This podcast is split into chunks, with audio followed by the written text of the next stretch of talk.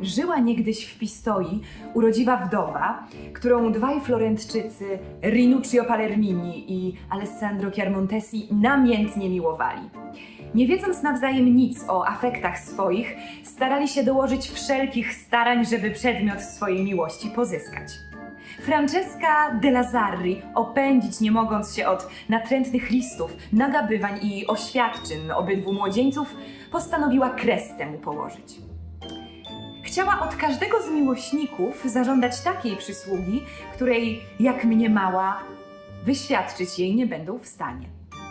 Jeśli zalotnicy tej przysługi jej nie uczynią, będzie to dostatecznym powodem, by odprawić ich raz na zawsze. A zamysł jej na tym się zasadzał. Umarł właśnie w Pistoi pewien człowiek, który za najgorszą istotę nie tylko w Pistoi, ale i na całym świecie był poczytywany.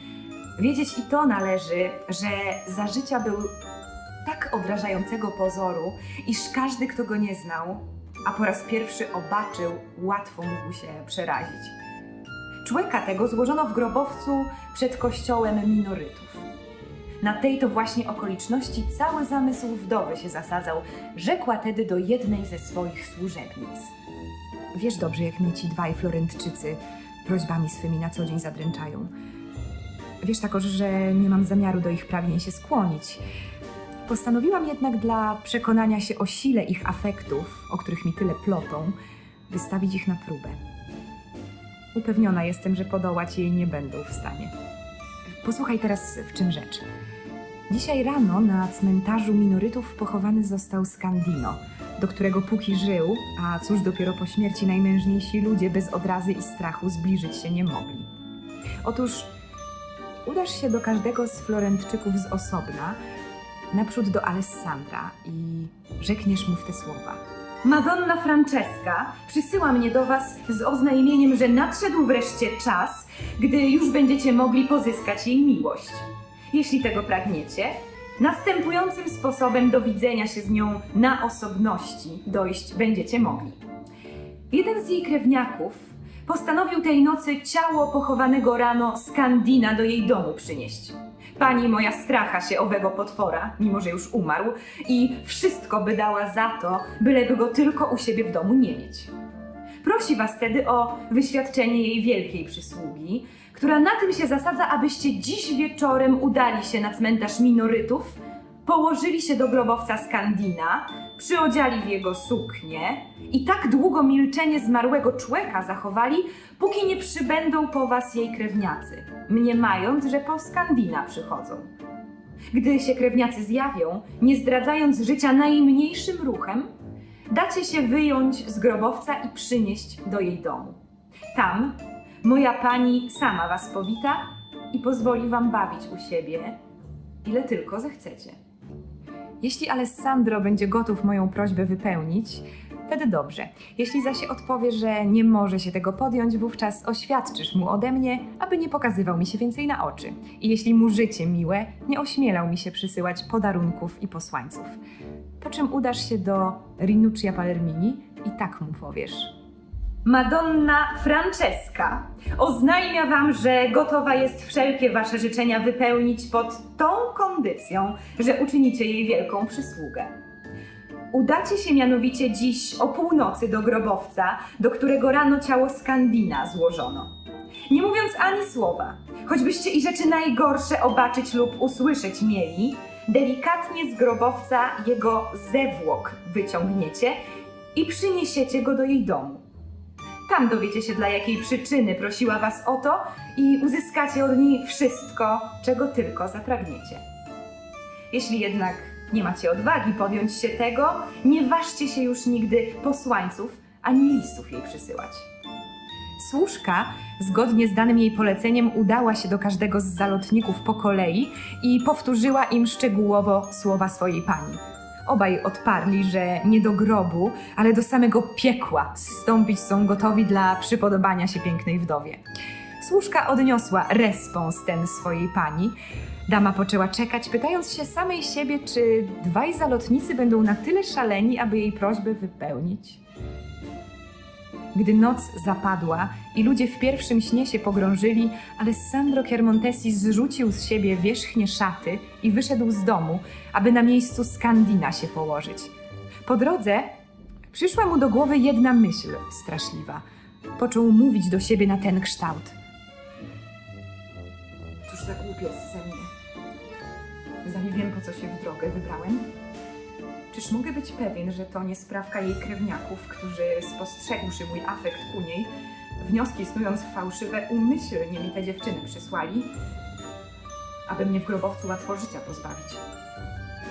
W tym wypadku zginąłbym ani chybi, a że nikt nie dowiedziałby się o tym, sprawcy niewykryci by pozostali.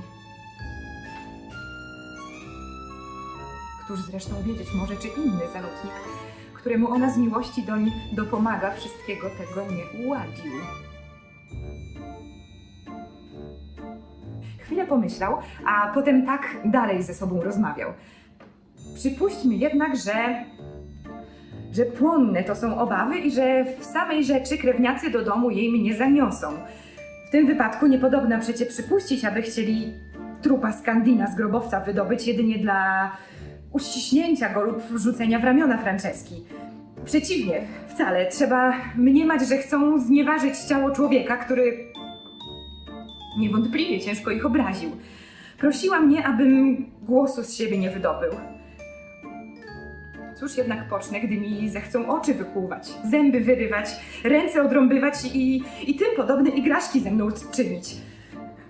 Zali i wtedy milczeć będę? Jeśli się odezwę, to albo poznają mnie i krzywdę mi zrobią, albo też nic złego mi nie uczynią. W tym wypadku jednak cała moja wyprawa nie zda się na nic, bowiem poznawszy kto zacz, nie dopuszczą mnie do niej. Wówczas Franceska będzie miała rację po temu, aby twierdzić, że rozkaz jej przestąpiłem. I pragnień mych nie spełni. Podobne myśli o mało go do powrotu do domu nie skłoniły. Jednakże potęga miłości odmiennymi racjami wciąż go gnała naprzód, aż wreszcie zwycięstwo odniosła. Stanąwszy przed grobowcem, otworzył go, po czym wszedł do wnętrza, rozebrał trupa Skandina, pchnął go gdzieś w głąb, przebrał się w jego suknię, zamknął nad sobą płytę i wreszcie położył się na miejscu nieboszczyka. Leżąc, począł rozważać, jakim to niecnym człowiekiem był ów Skandino. Gdy mu przyszły na myśl obyczaje nieboszczyka i nieraz słyszane opowieści o zderzeniach z umarłymi, jakie nocą nie tylko po grobowcach, ale i gdzie indziej miejsce miały, uczuł, że włosy mu się na głowie podnoszą. Zdało mu się, że Skandino musi dźwignąć się lada chwila i że nieproszonemu swemu zastępcy kark skręci. Jednakoż płomienna miłość pomogła mu i te straszliwe myśli przezwyciężyć. Leżał bez ruchu, jakby był umarłym w rzeczy samej i czekał cierpliwie, co się z nim stanie. Około północy Rinuccio także dom swój opuścił, aby polecenie damy wypełnić. Po drodze owładnęło nim tysiąc różnorodnych myśli o tym, co przydarzyć mu się może. Imaginował sobie na ten przykład, że z ciałem Skandina na barkach może wpaść w ręce władzy i jako czarownik na stos zostać skazany, lub też ściągnąć na siebie nienawiść krewniaków nieboszczyka. Podobne rozważania o mało go od tego azardu nie odwiodły. Po chwili wahania rzekł jednak do siebie: Jakże to? Miałby mnie odpowiedzieć na pierwsze żądanie tej szlachetnej damy, którą tak miłowałem i jeszcze miłuję. I to właśnie teraz, gdy w nagrodę zdobycie jej wzajemności mnie czeka? Choćbym miał zginąć bez ratunku, nie wolno mi się wahać. Muszę dokonać tego, co jej przyrzekłem. Ugruntowawszy się w zamiarze swoim, podążył żywo naprzód. Ujrzawszy oznaczony grobowiec, zbliżył się doń i bez trudności go otworzył. Alessandro, usłyszawszy skrzyp, dech w sobie zaparł, mimo że wielka trwoga go przenikała. Rinuccio zszedł do grobowca i, pochwyciwszy rzekomego trupa za nogi, wyciągnął Alessandra, wziął go na barki i skierował się ze swym ciężarem ku domowi pięknej wdowy.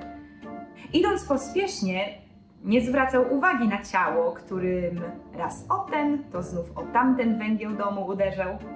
Noc była głęboka i ciemna tak, że na dwa kroki przed sobą nic obaczyć nie można było. Rinuccio doszedł przed dom wdowy, która stojąc w oknie pospołu ze służką pilnie wyglądała, aż zjawi się jej zalotnik z Alessandrem na plecach. Już była gotowa dać im obu stosowną odprawę, gdy nagle straż signori, na jakiegoś ladaca w tej dzielnicy cichcem czatująca, usłyszawszy odgłos ciężkich kroków Rinuccia, żywo skierowała w jego stronę latarnię dla upewnienia się, kto idzie i uderzając lancami o tarczę zawołała Kto zacz?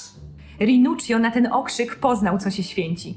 Ponieważ nie było chwili do stracenia, rzucił na ziemię Alessandra i co tchu w piersiach pomknął przed siebie. Alessandro natychmiast poszedł za jego przykładem i mimo długich sukien nieboszczyka, które mu bieg utrudniały, umykać począł, co sił starczyło. Tymczasem wdowa, przy świetle latarni straży miejskiej, poznawszy Rinuccia, niosącego na barkach Alessandra przyodzianego w suknię Skandina, zdziwiła się niepomiernie wielkiej odwadze obydwu kochanków. Jednakoż, mimo całego podziwu, parsknąć śmiechem musiała, widząc jak Rinuccio Alessandra na ziemię rzuca i jak potem obydwaj uciekają. Ukontentowana wielce z takiego obrotu rzeczy, złożyła dank niebiosom za to, że ją z tak ciężkiej opresji wybawiły. Po czym wróciła do siebie na spoczynek, rozważając ze służką, że obydwaj młodzieńcy wielką miłością przeniknięci być muszą, skoro tak trudne zadanie wypełnili. Tymczasem srodze zmartwiony Rinuccio, klnąc swoją złą dolę, nie wrócił jednak do domu. Po oddaleniu się straży zbliżył się do miejsca, gdzie był rzucił Alessandra i po omacku rękoma szukać począł ciała, aby dokonać tego, co zaczął. Nie znalazłszy trupa, do tej myśli przyszedł, że go straż zabrać musiała i pełen ciężkiej troski do domu wreszcie powrócił. Alessandro nie wiedział również, co mu do czynienia pozostaje. Nie poznawszy nawet tego, kto go tak długo na grzbiecie dźwigał, gniewny i zbolały, do domu się udał. Gdy nazajutrz grobowiec Skandina otwarty zastano i zwłok jego nie znaleziono, Alessandro bowiem zepchnął je w głąb, po całej pistoi różne słuchy chodzić zaczęły. Wszyscy głupcy mniemali, że to czart Skandina porwał. Dwaj miłośnicy nie zaniedbali donieść wdowie, co każdy z nich uczynił i co mu do spełnienia życzeń pięknej damy na wstręcie stanęło. W nagrodę za odwagę i gotowość swoją dopominali się o łaskę i miłość wdowy. Madonna Francesca jednakoż uczyniła pozór, że tłumaczeniom tym nie wierzy i odparła twardo, że nic dla nich uczynić nie może, dla tej prostej racji, że prośby jej nie spełnili. Tym sposobem raz na zawsze od ich nagabywań się uwolniła.